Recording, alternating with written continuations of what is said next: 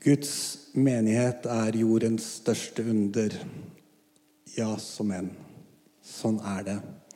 Och samtidigt så føler vi av och till att eh, Guds menighet är jordens största plunder. Ett Et eller annet sted vet inte om du förstår, plunder, eh, Peter, men det är det er ikke positivt. Ehm, ett Et eller annet sted i spenningen mellom disse to eh, ska skal vi bevege oss i kveld.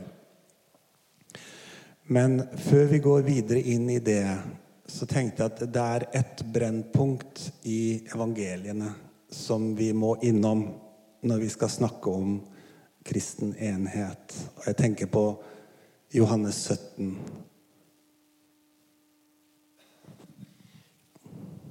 Och vi får väl säga att det är både Jesu stora bön eh, som han ber kvällen före sitt lidande eh, och själva brännpunkten i den bönen är ju när han inkluderar oss alla.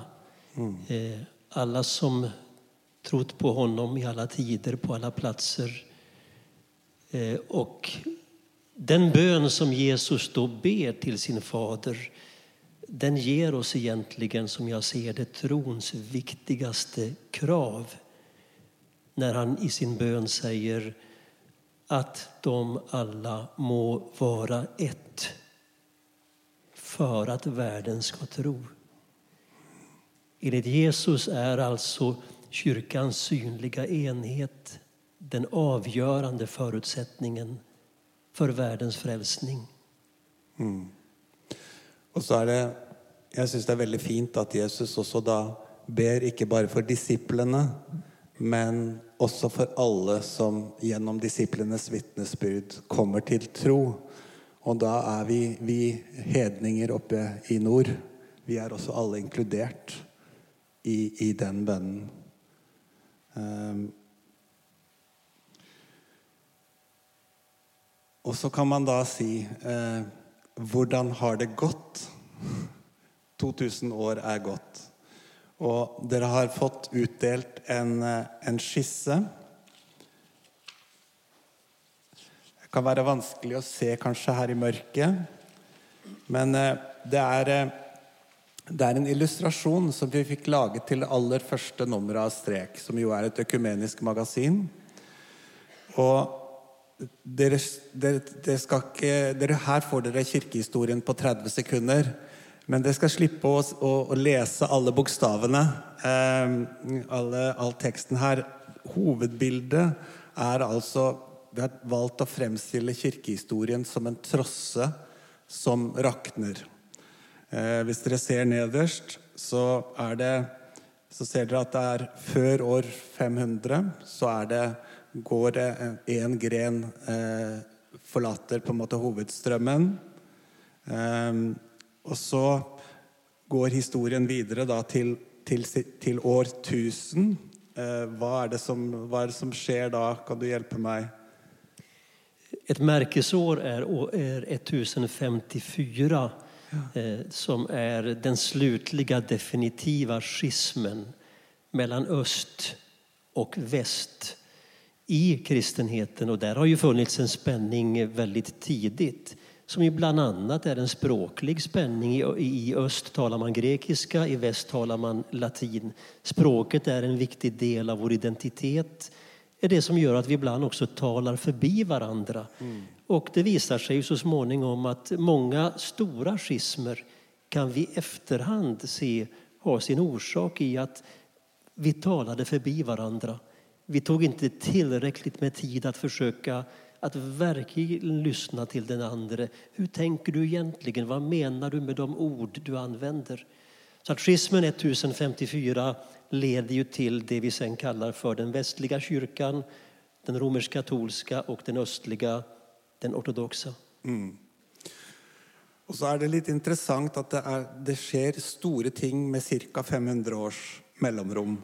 Eh, og neste, eh, neste eh, splittelse her er jo da reformasjonen, som vi snart eh, mark Noen sier feire, noen sier markere eh, at det er 500 år siden. Eh, og så ser dere da helt oppe i, i høyre hjørne så står det et lite rødt kryss for dere som ser godt. Og der står det 'Du står her'. Det ger eh, gir et lite utsiktspunkt. Hvis du, hvis du er pinsevenn, så får du plassere krysset et annet sted. Eller katolikk. Eh, Hvorfor har det gått sånn? Dette er jo veldig forenklet, men for å spørre mer enn ti vise kan svare. Hvorfor har det gått sånn? Eh, När jag ser den här skissen, Asle, Ja, den är ja. lite förledande. Ok. Eh, Därför att här får vi ett intryck av att i begynnelsen är allt väldigt samlat och fint och enat. Eh, Och det är inte en riktigt korrekt historieskrivning. Om vi gör ett tankeexperiment. Att vi är ungefär år 100. Vi samlas i Jerusalem. Och det kommer en hantverkare från Efesos. En filosof från Alexandria en eh, frigiven slav från Roma. Eh, vad ska vi ta? En, en eh, handelsman från Edessa. En fyra, fem personer som kommer samman, som alla har mött evangeliet, den kristna tron och bekänner sig som kristna. Och så ska de här personerna samtala om vad de tror på. Vi är alltså nu år 100, generationen efter apostlarna. Om vi skulle vara där och lyssna till deras samtal då kanske vi till och med skulle få intryck av och undra har de till, rent av samma religion? Alltså, det första århundradet och tiden efter apostlarna så präglas den nu utspridda kristenheten av en väldigt stor mångfald. Vilket ju bland annat har att göra med det finns ännu ingen kristen bibel. Nya testamentet finns inte. Olika skrifter och brev sprids i olika rättningar och läses i menigheterna. Kommunikationerna är ju inte vad de är, är, är idag.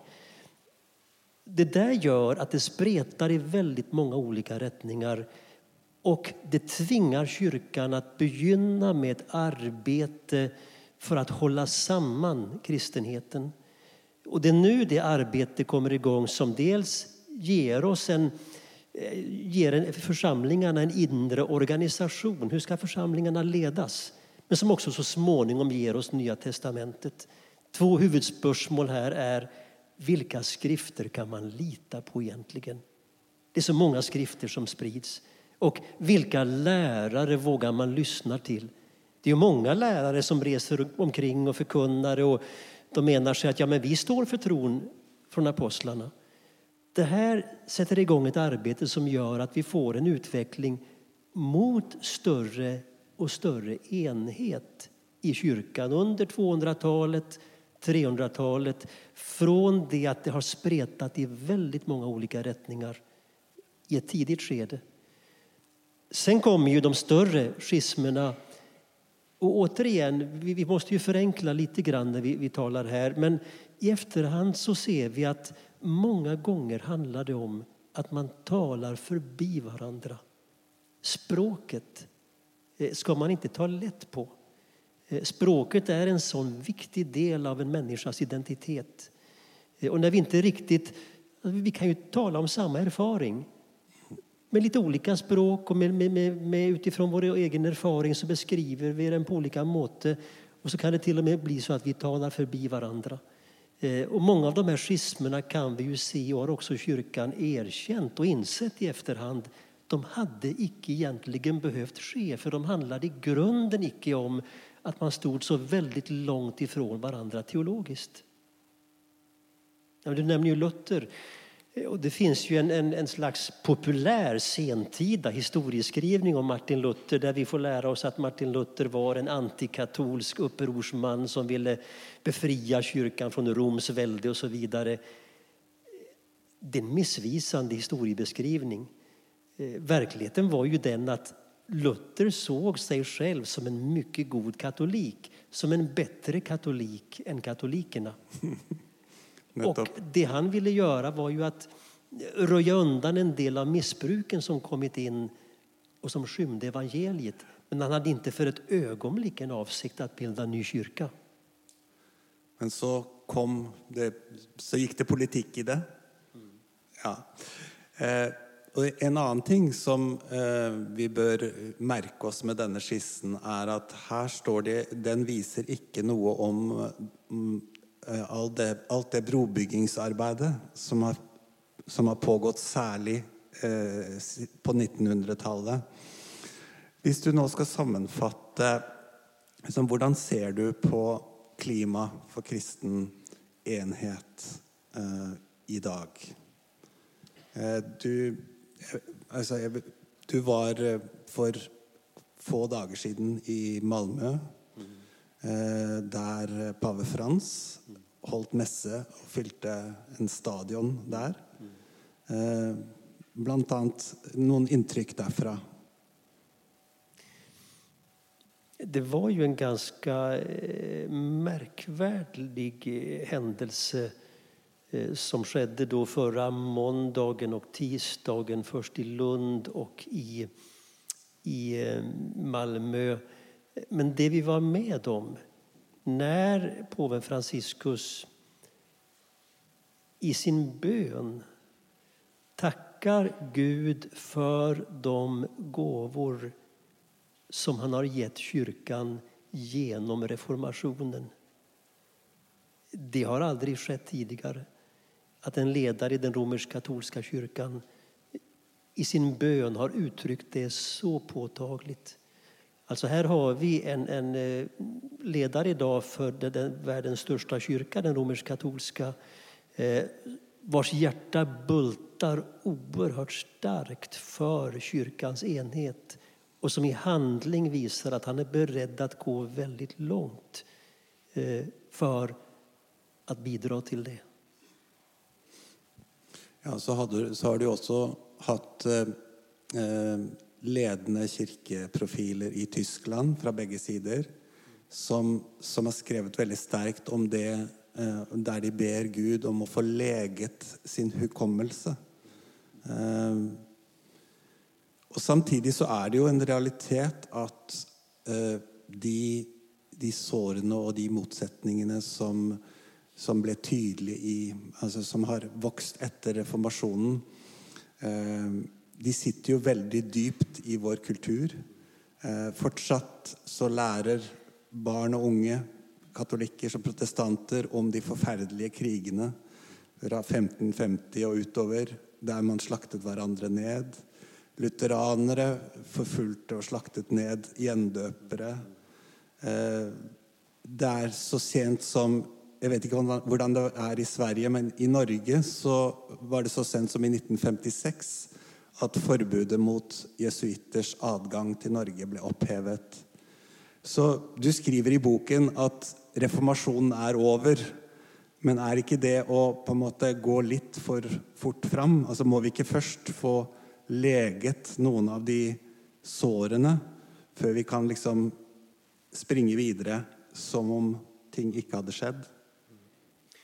Det jag säger är att eh, den är, är över i den meningen att det teologiska spörsmål som var det avgörande, splittrande eh, spörsmålet, spörsmålet om rättfärdiggörelse genom tron, det har man efter 50 års mödosam, uppriktig teologisk dialog ledande teologer från den lutherska kyrkan och den romersk-katolska kommit fram till att här är man inte längre oense.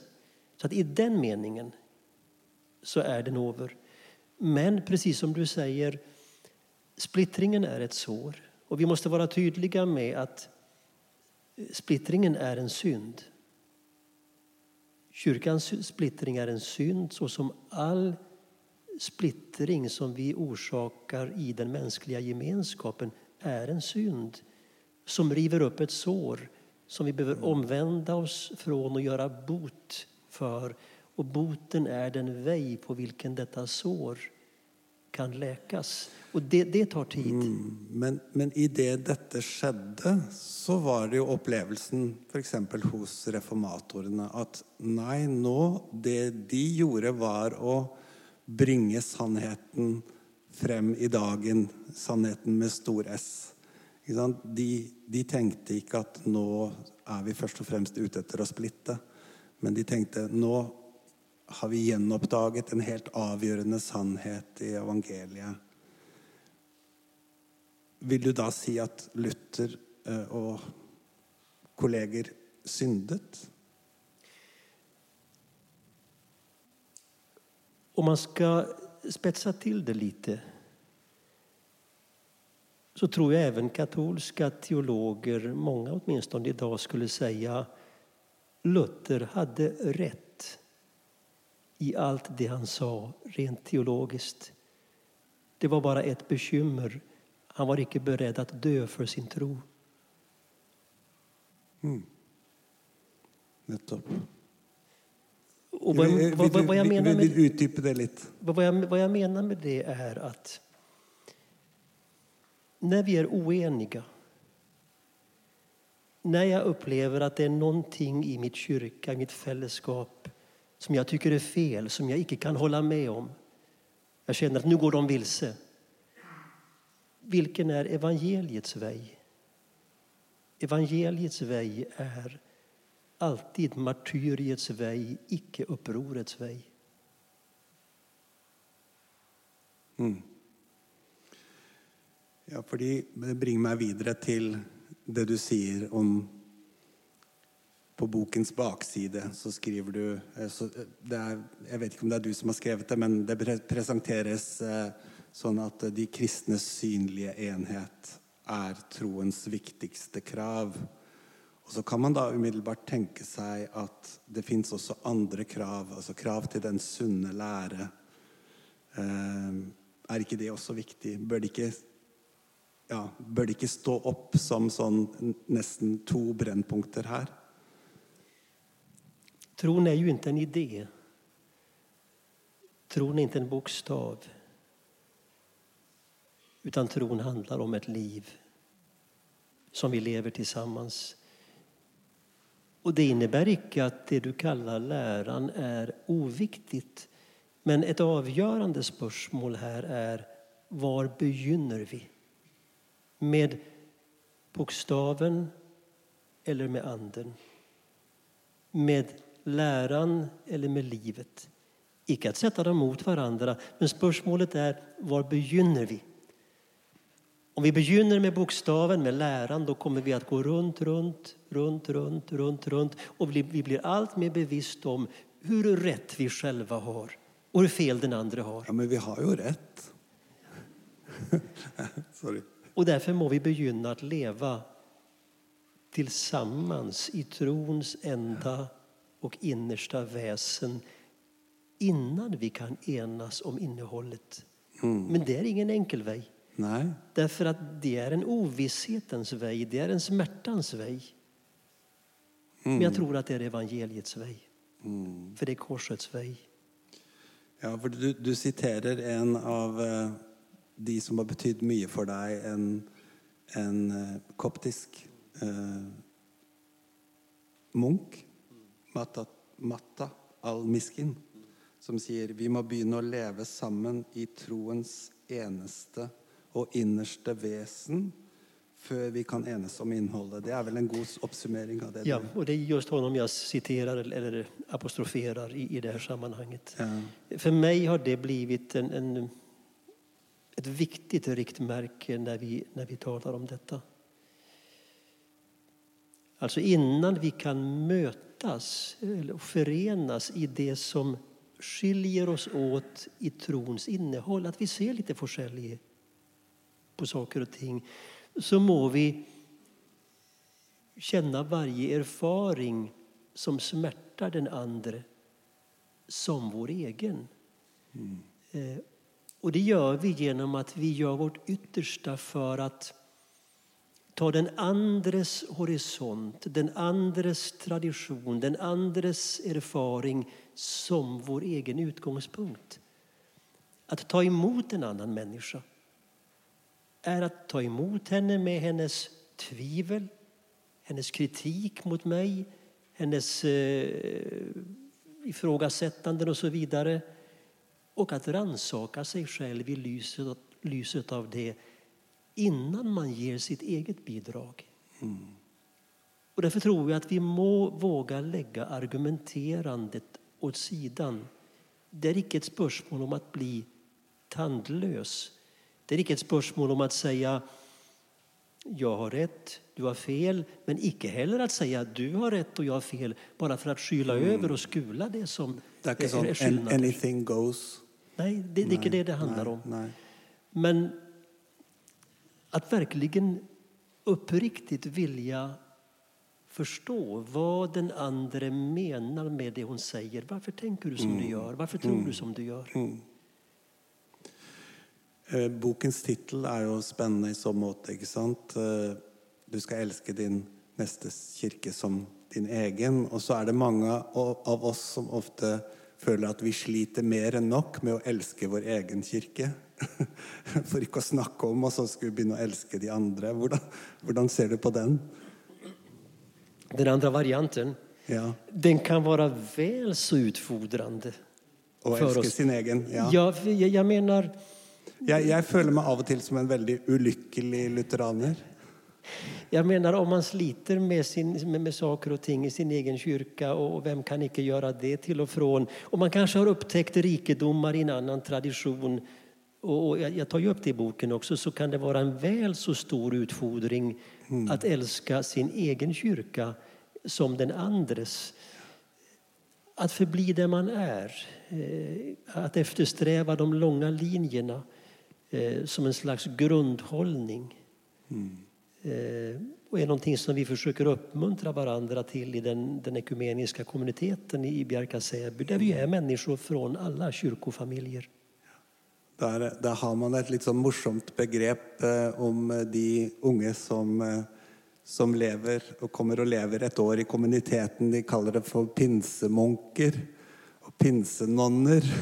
Jeg vet ikke om du har hørt det, men, men, eh, men det er jo en interessant tegn i tiden. Eh, Det var väl i själva begynnelsen när, det var kanske främst eh, pinsevänner när vi, Ja, när vi begynte ja, ut, utgångspunkten. Idag ser det ju lite forskjellig ut. Ja. Jeg vet ikke om det er du, eller om, en, om det er noen du har sitert som sier at det, er for sent å konvertere nå. Det, fordi det er, jo en, mange, det er jo en del som nå konverterer f.eks. til den katolske kirke i Norge. Og så sier du det er for sent å konvertere. Hva, hva menes med det? Jag tror inte att jag har uttryckt det så. Jag, jag har inte hört det, Nej. just så. Men eh, för sent, jag menar... vi, vi, vi, vi talar om lite forskjellige ting. En människas andliga pilgrimsresa kan ju någon gång göra att Gud leder henne så att hon finner ett andligt hem i en annan kyrka än den hon i upprinnelse var döpt i. Eh, alltså det, det, ibland så kan det vara ett pastoralt råd eh, att stödja en människa att faktiskt bejaka en utveckling eh, som har varit organisk, naturlig. Och jag har själv varit med och, och sett detta. Det är en annan ting om jag... Alltså det, det är ett grundläggande spörsmål överhuvudtaget. När är uppbrottet en flykt och när är det en kallelse? Inte helt enkelt att besvara alltid. Nej. Eh, Men ska man försöka ge ett generellt svar på den frågan så tror jag eh, frustrationen är i regel icke en kallelse. Alltså frustrationen över det jag upplever, det jag är nu. Den är i regel icke en kallelse att bryta upp generellt. Den kan vara en kallelse att tränga djupare, gräva djupare där man är. Mm.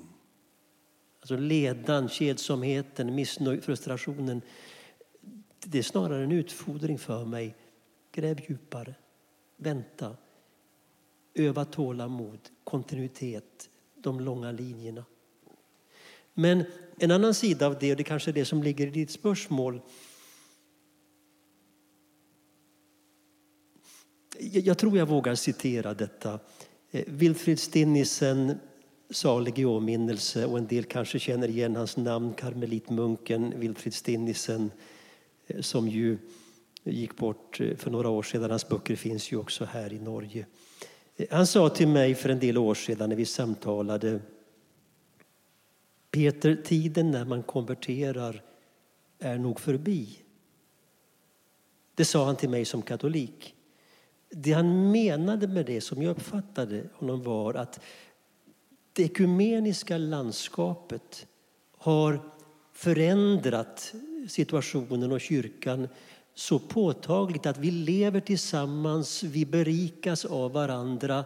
Alltså vi behöver inte konvertera hit eller dit för att få tag på och finna och näras av andliga skatter som vi kanske har mött i en annan kyrka. Eh, upptäckten av att allt tillhör oss i grunden. Mm. Och jag tänkt på det där som han sa. Mm. Det var kanske det jag associerade till. Um, um, noen ganger så eh, Vi protestanter kan kanske føle at eh, Ja, hva, hva har nå vi å tilby eh, disse historiske storebrødrene?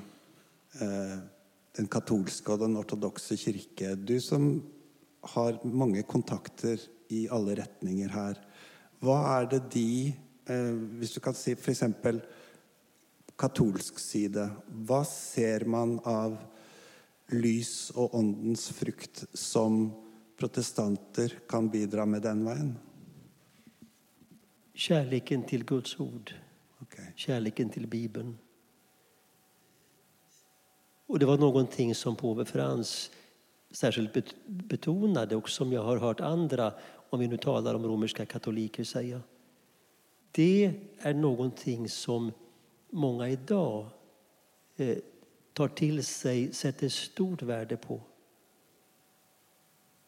Mm. Det tror jag är ett av de viktigaste ja. bidragen. Varje förnyelsesbevegelse i kyrkan är ju på en måte ett uttryck för profetens karisma i kyrkan. Och profeterna behövs hela tiden. Och vi behöver be att de sänds i vår väg och att vi känner igen dem när de kommer. Men profetens uppgift är ju egentligen inte att bilda en ny kyrka. Det blir problematiskt när du får en kyrka som har sin identitet så påtagligt i, profetens karisma i något avseende. Eh, men det som är profetens karisma behöver ju berika hela kristenheten. Och då tror jag, på samma sätt som vi som tillhör de yngre kyrkorna behöver en djupare överlåtelse åt de katolska och ekumeniska ideal som hör till den odelade kyrkans tid, de första tusen åren, så behöver också de äldre kyrkorna, de ortodoxa och de katolska, erkänna och ta till sig att de yngre kyrkorna faktiskt är ett uttryck för profetens karisma, för den helige Andes verk i historien Även om det var brustet och saker och ting gick fel. Mm. Och det är det många som ser idag också. Mm, mm. Eh, en del av eh, de spenningene som, som lever i den kirken, handler, går ikke langs disse konfesjonelle linjene, men, men handler jo om, om ulike kulturer for tilbedelse. Eh, Noen vil ha lovsang med med skikkelig guffe og kraft på lyden. Noen vil ha stillferdige tidebønner. Noen vil ha være, binde alt opp i liturgien. Andre vil ha minst mulig liturgi. Eh, er det, er det sånn at eh, for å gå videre mot kristen enhet, at eh, vi ska bli mer like varandra kulturellt? Det här är bara ett problem i den protestantiska delen av kyrkan. Eh, där vi ofta skapar nya eh, menigheter och grupperingar kring det som är forskjellige uttryck. Mm. Medan du ser, om vi går till exempel till den katolska traditionen, nya uttryck uppstår, ja men då, då får de leva i en ny orden. i en ny i en ny orden. Alltså det Ja, kan ja. vara en, en Mm. ordensbevegelse, en klosterbevegelse, en kommunitetsbevegelse av, av, av något slag. Alltså som är uttryck för en spiritualitet eh, som inte eh, står för, för helheten men som är en del. Alltså vi kan se det här om, om vi kommer till en gammal katedral. En gammal medeltidskatedral. Och det kan nog gälla också de, de eh, tänker jag mig några av de äldre katedralerna här i Norge. Så har vi det stora kyrkorummet. Men så har du de många sidokapellen.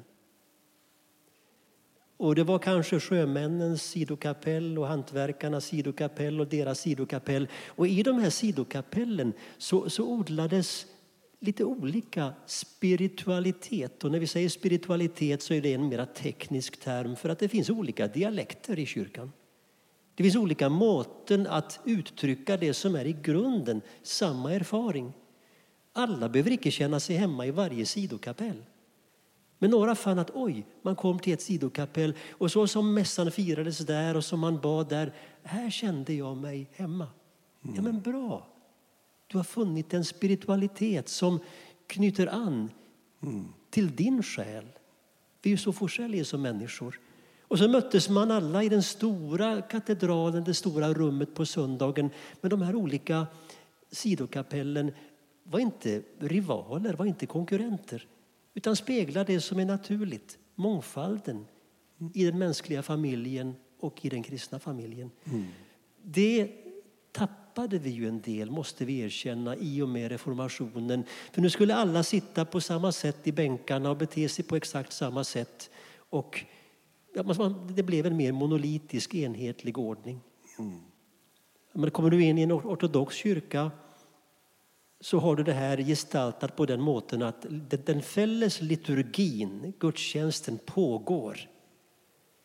Men medan den pågår så, så kan du se hur människor, någon eh, går till en ikon där och någon går och tänder ett ljus där och någon går och biktar sig, skriftar sig hos prästen där och folk kommer och går. Alltså det är en bevegelse som pågår i rummet som kan ge besökaren som är ovan ett, ett intryck av att här är det ganska ka- kaotiskt och förvirrat. mm. Vad är det de håller på med? Men, men du, du, har detta, du har detta att vi är, vi, vi är ett fällskap men vi är unika personer i detta fällskap som samtidigt som liturgin pågår så kan vi uttrycka i vår tro och vår bön på lite forskjellig måte.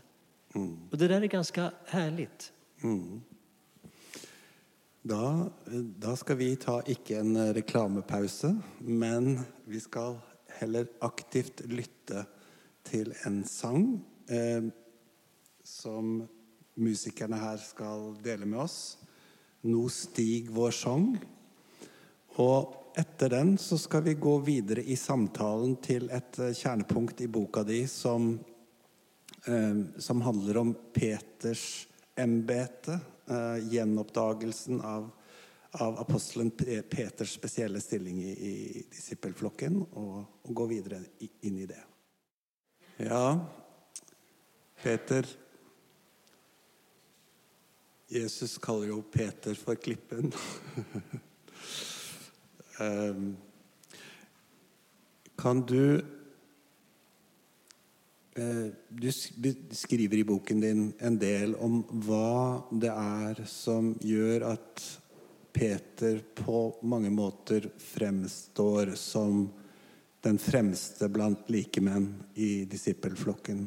Hva, hva, vi, vi kjenner til at Jesus kaller ham for klippen, og på, ham skal han bygge, på klippen skal han bygge sin kirke. Men er det andre ting også? Du nevner dette med at alle opplistinger av apostlene så står Peters først, f.eks. Mm, mm, mm,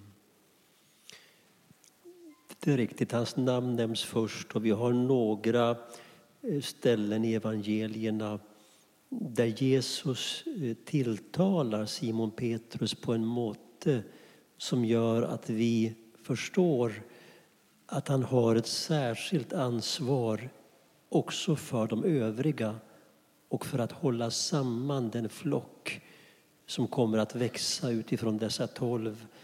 Och ett av de viktigaste sammanhangen är naturligtvis här en av Nya testamentets centrala kallelsescener.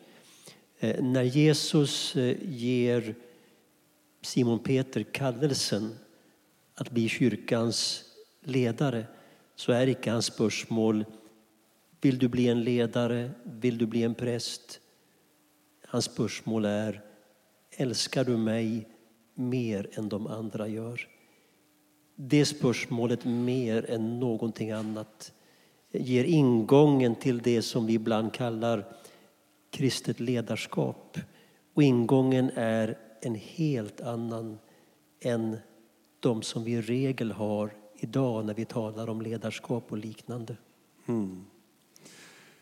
Men i, i, det, i dessa stedene eh, Peter på en, på en måte får ett speciellt ansvar i kraft av hans svar på om han älskar Kristus mer, så växer det då över tid fram eh, Det blir begynnelsen på en mycket blandad historia eh, knyttet till pavedømmet. Eh, Många här har kanske följt med på serien om The Borgias och fått de mest skamløse sidene eh, presenterat. presentert. Men, men du, du, er opptatt av i boken at vi skal gjenoppdage nøklene som ligger i Peters embete. Vill du si litt om det? Ja, att vi ska förstå Eh, och eh, den andra delen av boken, eh, om någon läser boken eh, så kanske den andra delen den är inledd i två delar. Mm. Den första kallar jag för ett manifest för kristen enhet. Den andra delen ett ekumeniskt perspektiv på Peterämbetet.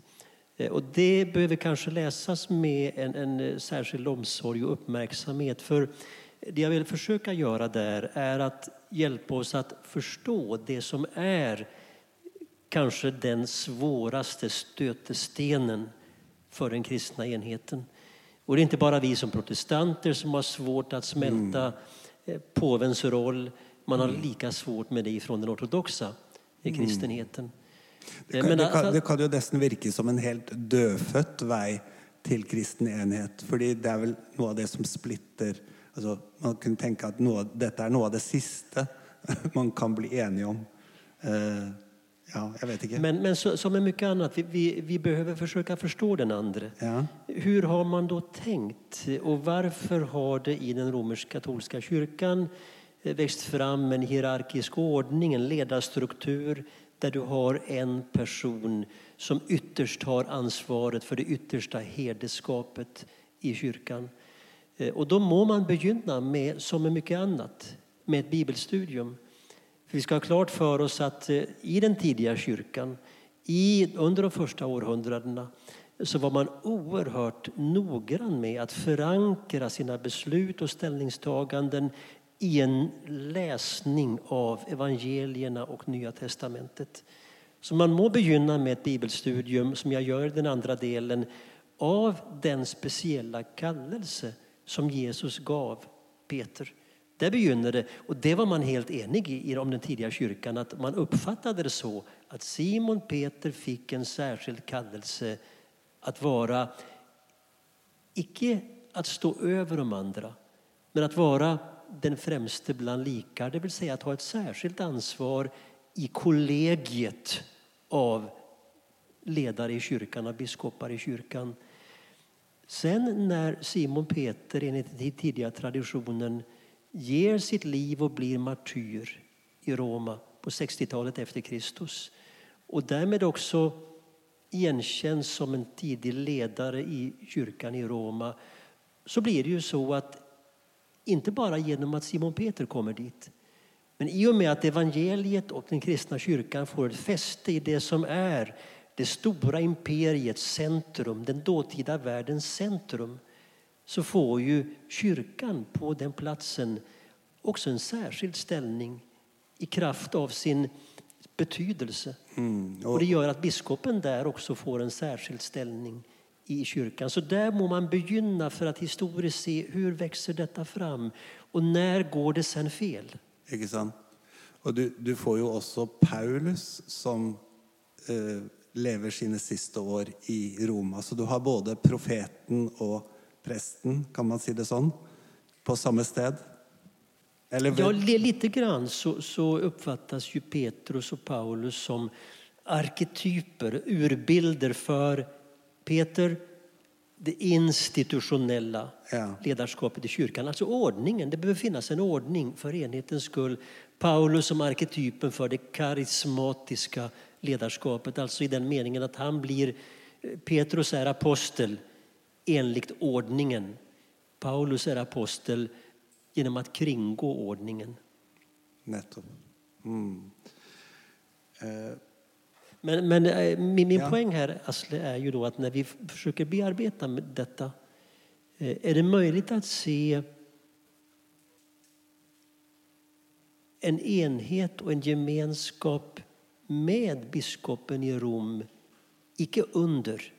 Nettopp, för, för när, vi tal, när vi talar om, om kristen enhet så, så måste vi undvika både underdånighet och triumfalism.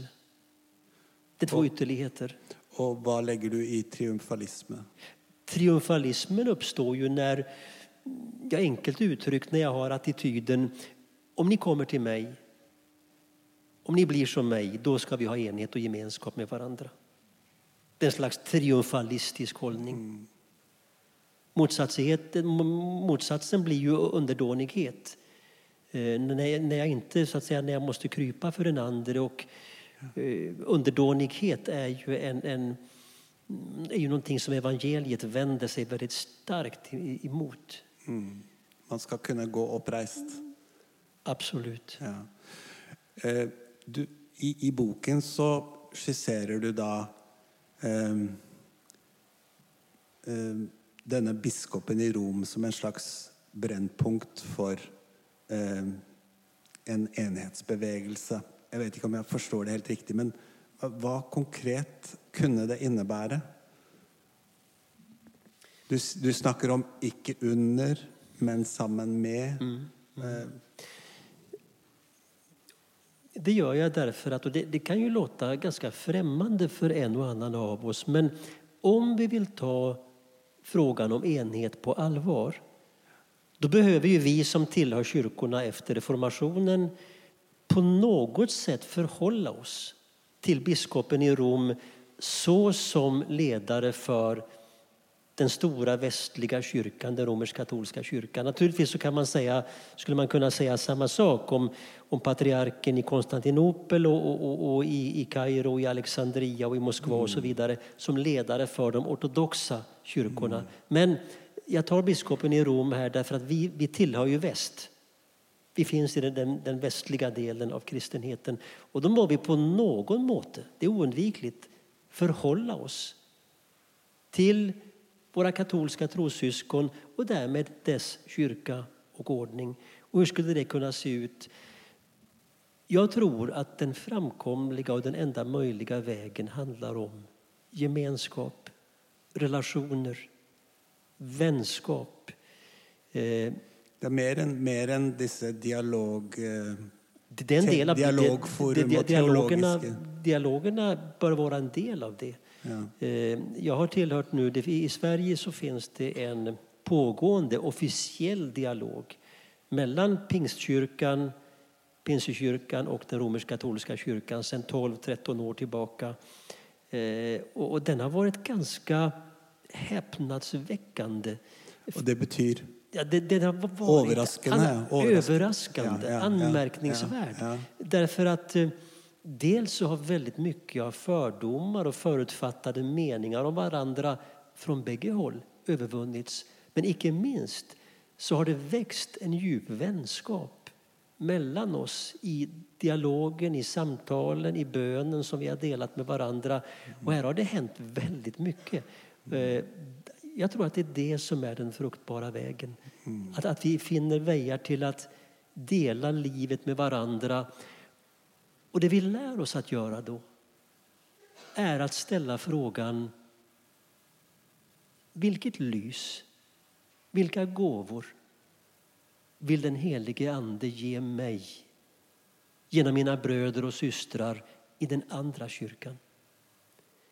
Om vi från forskjelliga kyrkor lär oss att tänka så, säga det, be så, då händer någonting i vårt möte med varandra och icke minst i vår syn på varandra. Och vi kommer snart att upptäcka att det som förenar oss, det vi har fälles, är långt mycket mer än det som separerar oss. Och där begynner ett helande.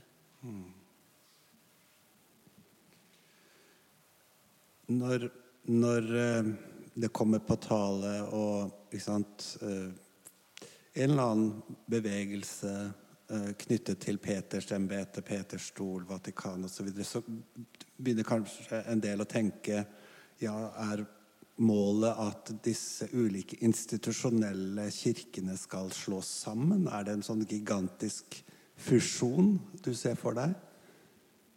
Det är vare sig realistiskt eller önskvärt. Ikke skulle jag säga. realistisk? Nej, jag, jag, jag, jag skulle nej, säga att det icke nej, är det. nej.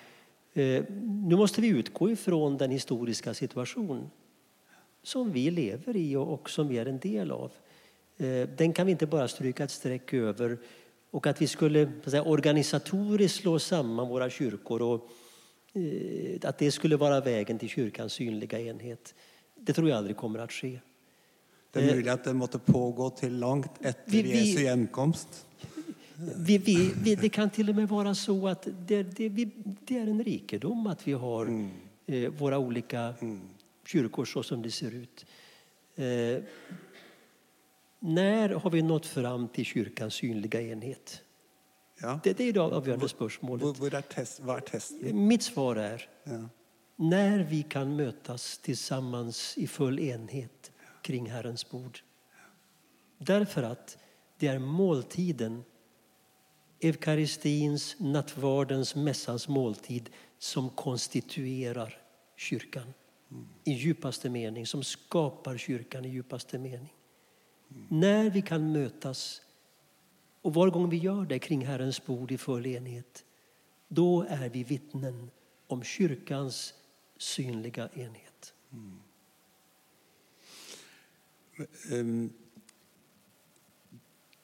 den nåværende paven, Ehm, pave Frans eh, hva, Er det noe spesielt han har bidratt med som, som eh, gjør dette fellesskapet eh, mer tilgjengelig enn før?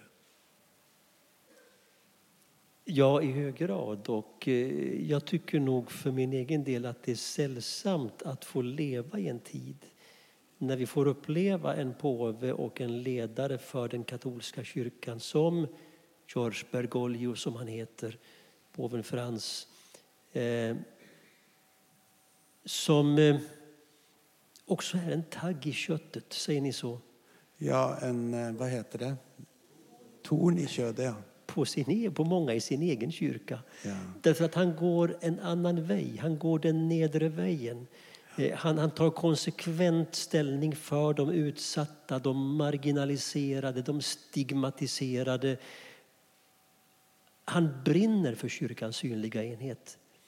Eh, Och vi, vi ser nog inte från vår horisont hur uppseendeväckande det är och stötande bland många i hans egen kyrka när han i Italien reser till och söker upp pinsevänner i syd, valdensare i norr offentligt ber dem om förlåtelse för hur hans kyrka har behandlat dem i tidigare historien. Detta är inte lättsmält för alla i hans egen kyrka.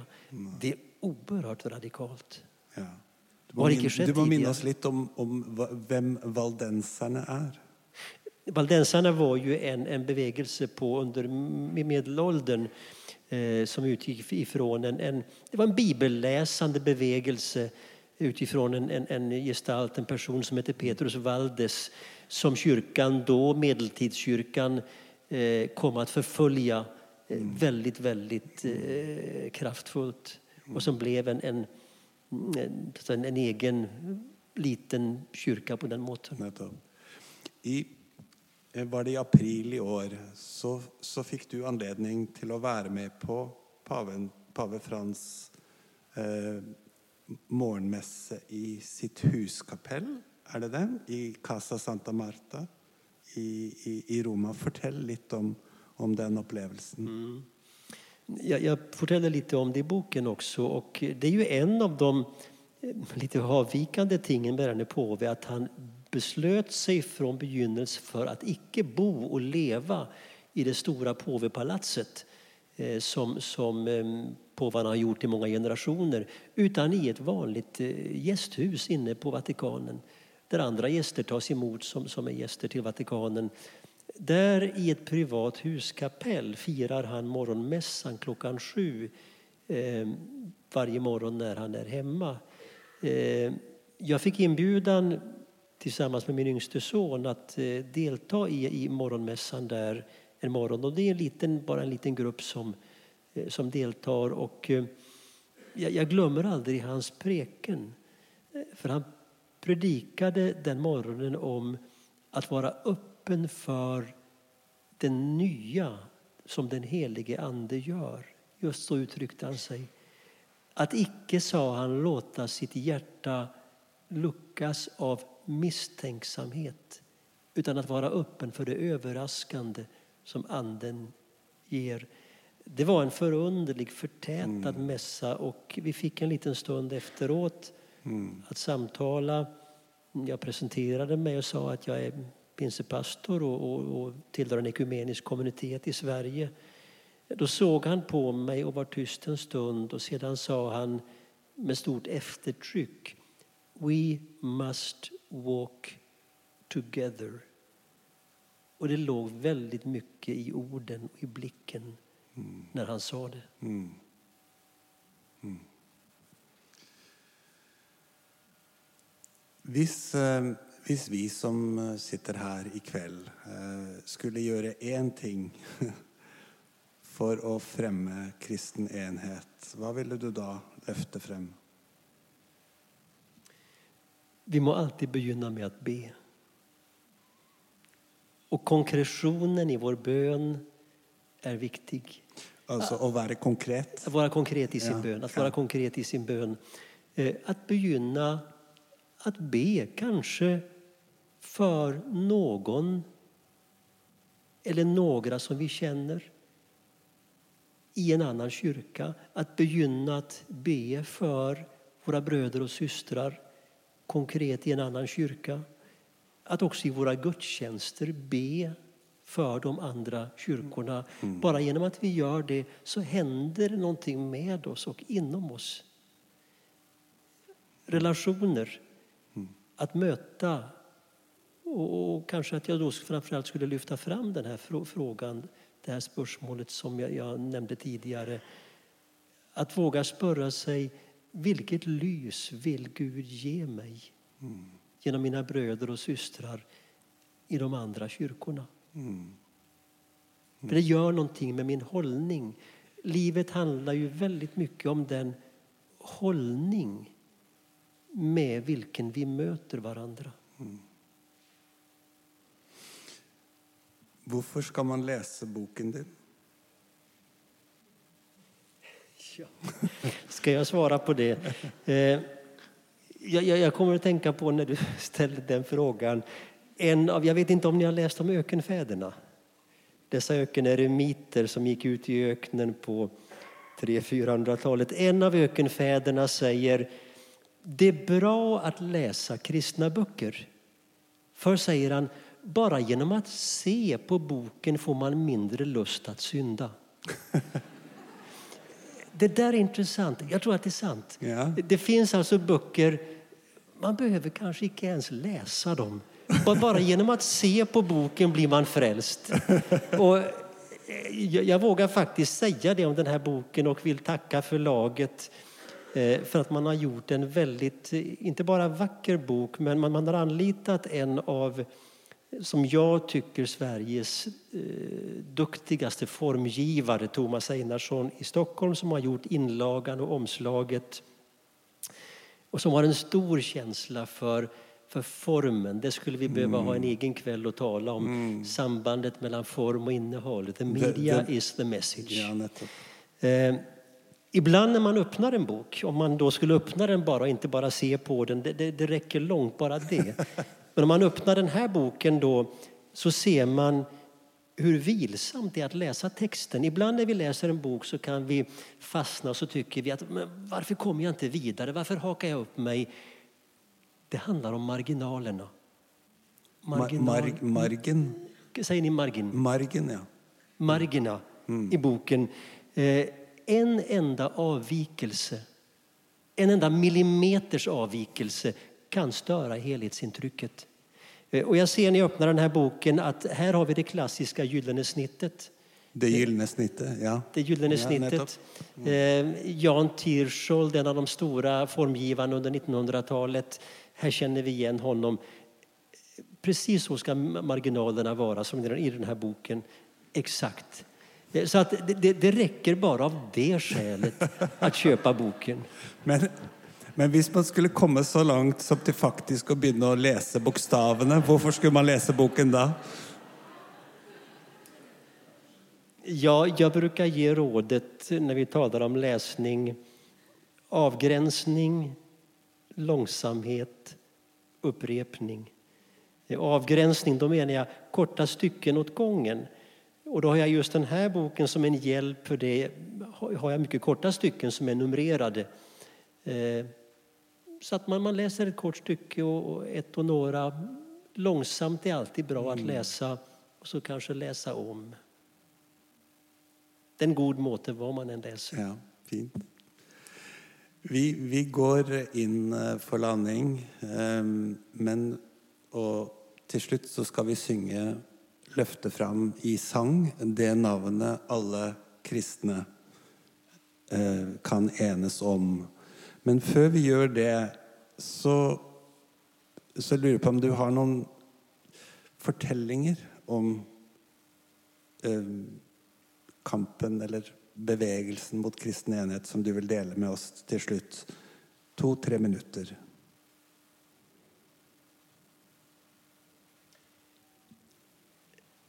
År 1900 skriver en kvinna som heter Elena Guerra tolv uppfordrande brev till den dåvarande paven i Rom, Leo den trettonde och uppmanar honom att förnya förkunnelsen om den helige Ande i kyrkan.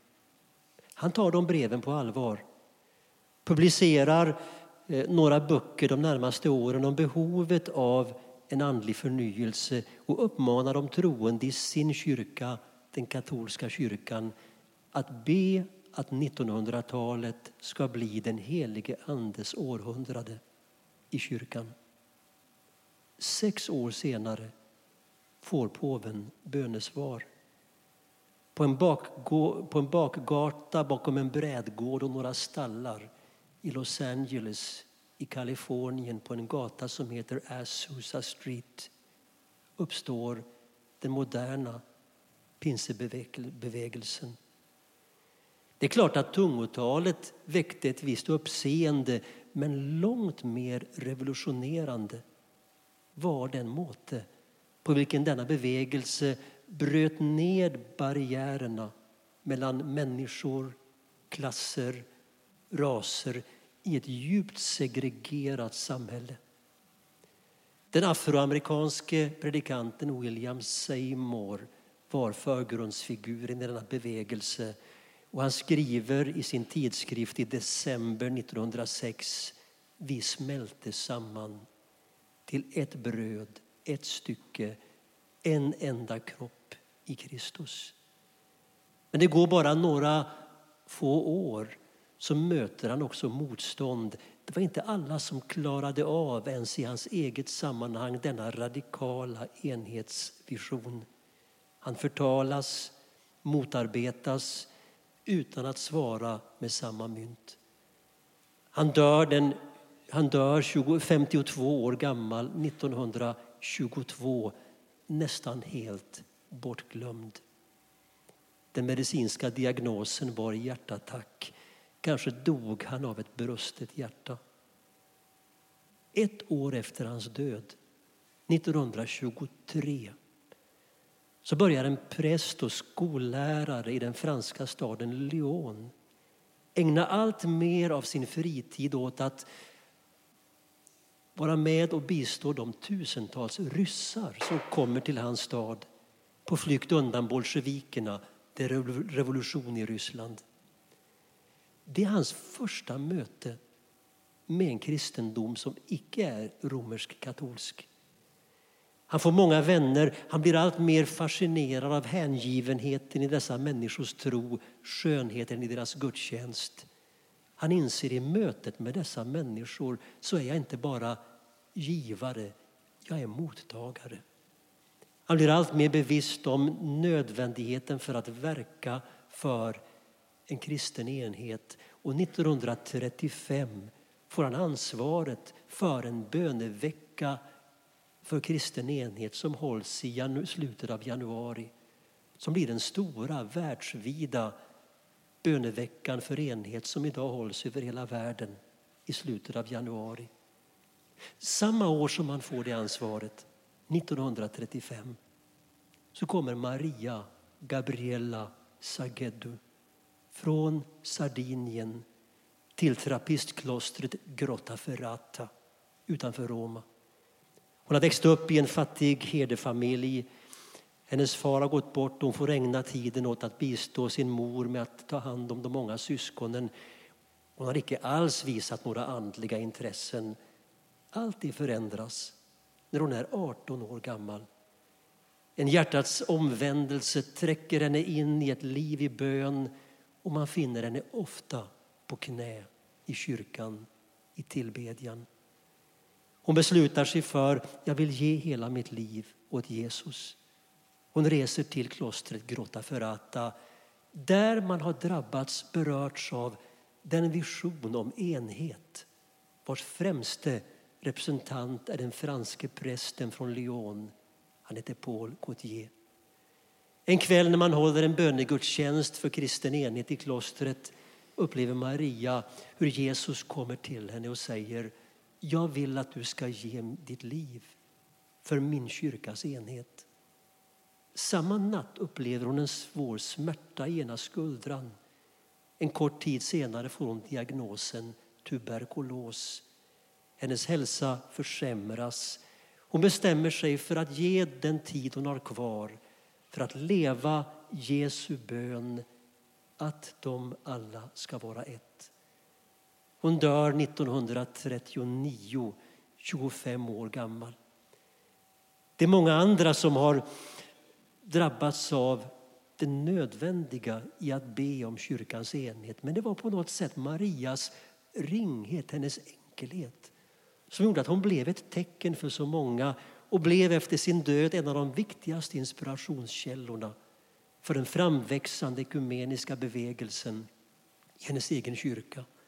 I slutet av den internationella böneveckan för enhet i januari 1983 saligförklarades hon av dåvarande påven Johannes Paulus den andre. Mm. Prästen Paul Cotier gjorde som sitt motto några ord av en, av en, en metropolit från Kiev, Gorotetski som sa murarna är icke så höga att de sträcker sig till himlen. Och så länge de icke är det så finns det gott hopp. Och så länge det finns människor vars liv har en teckenkaraktär som Elena Guerra, som William Seymour, som Paul Cotier, som Maria Gabriella Sagedu som kallar på oss att gå enhetens väg där vi finns. Så länge de finns så ser vi Jesu bön uppfyllas för världens liv.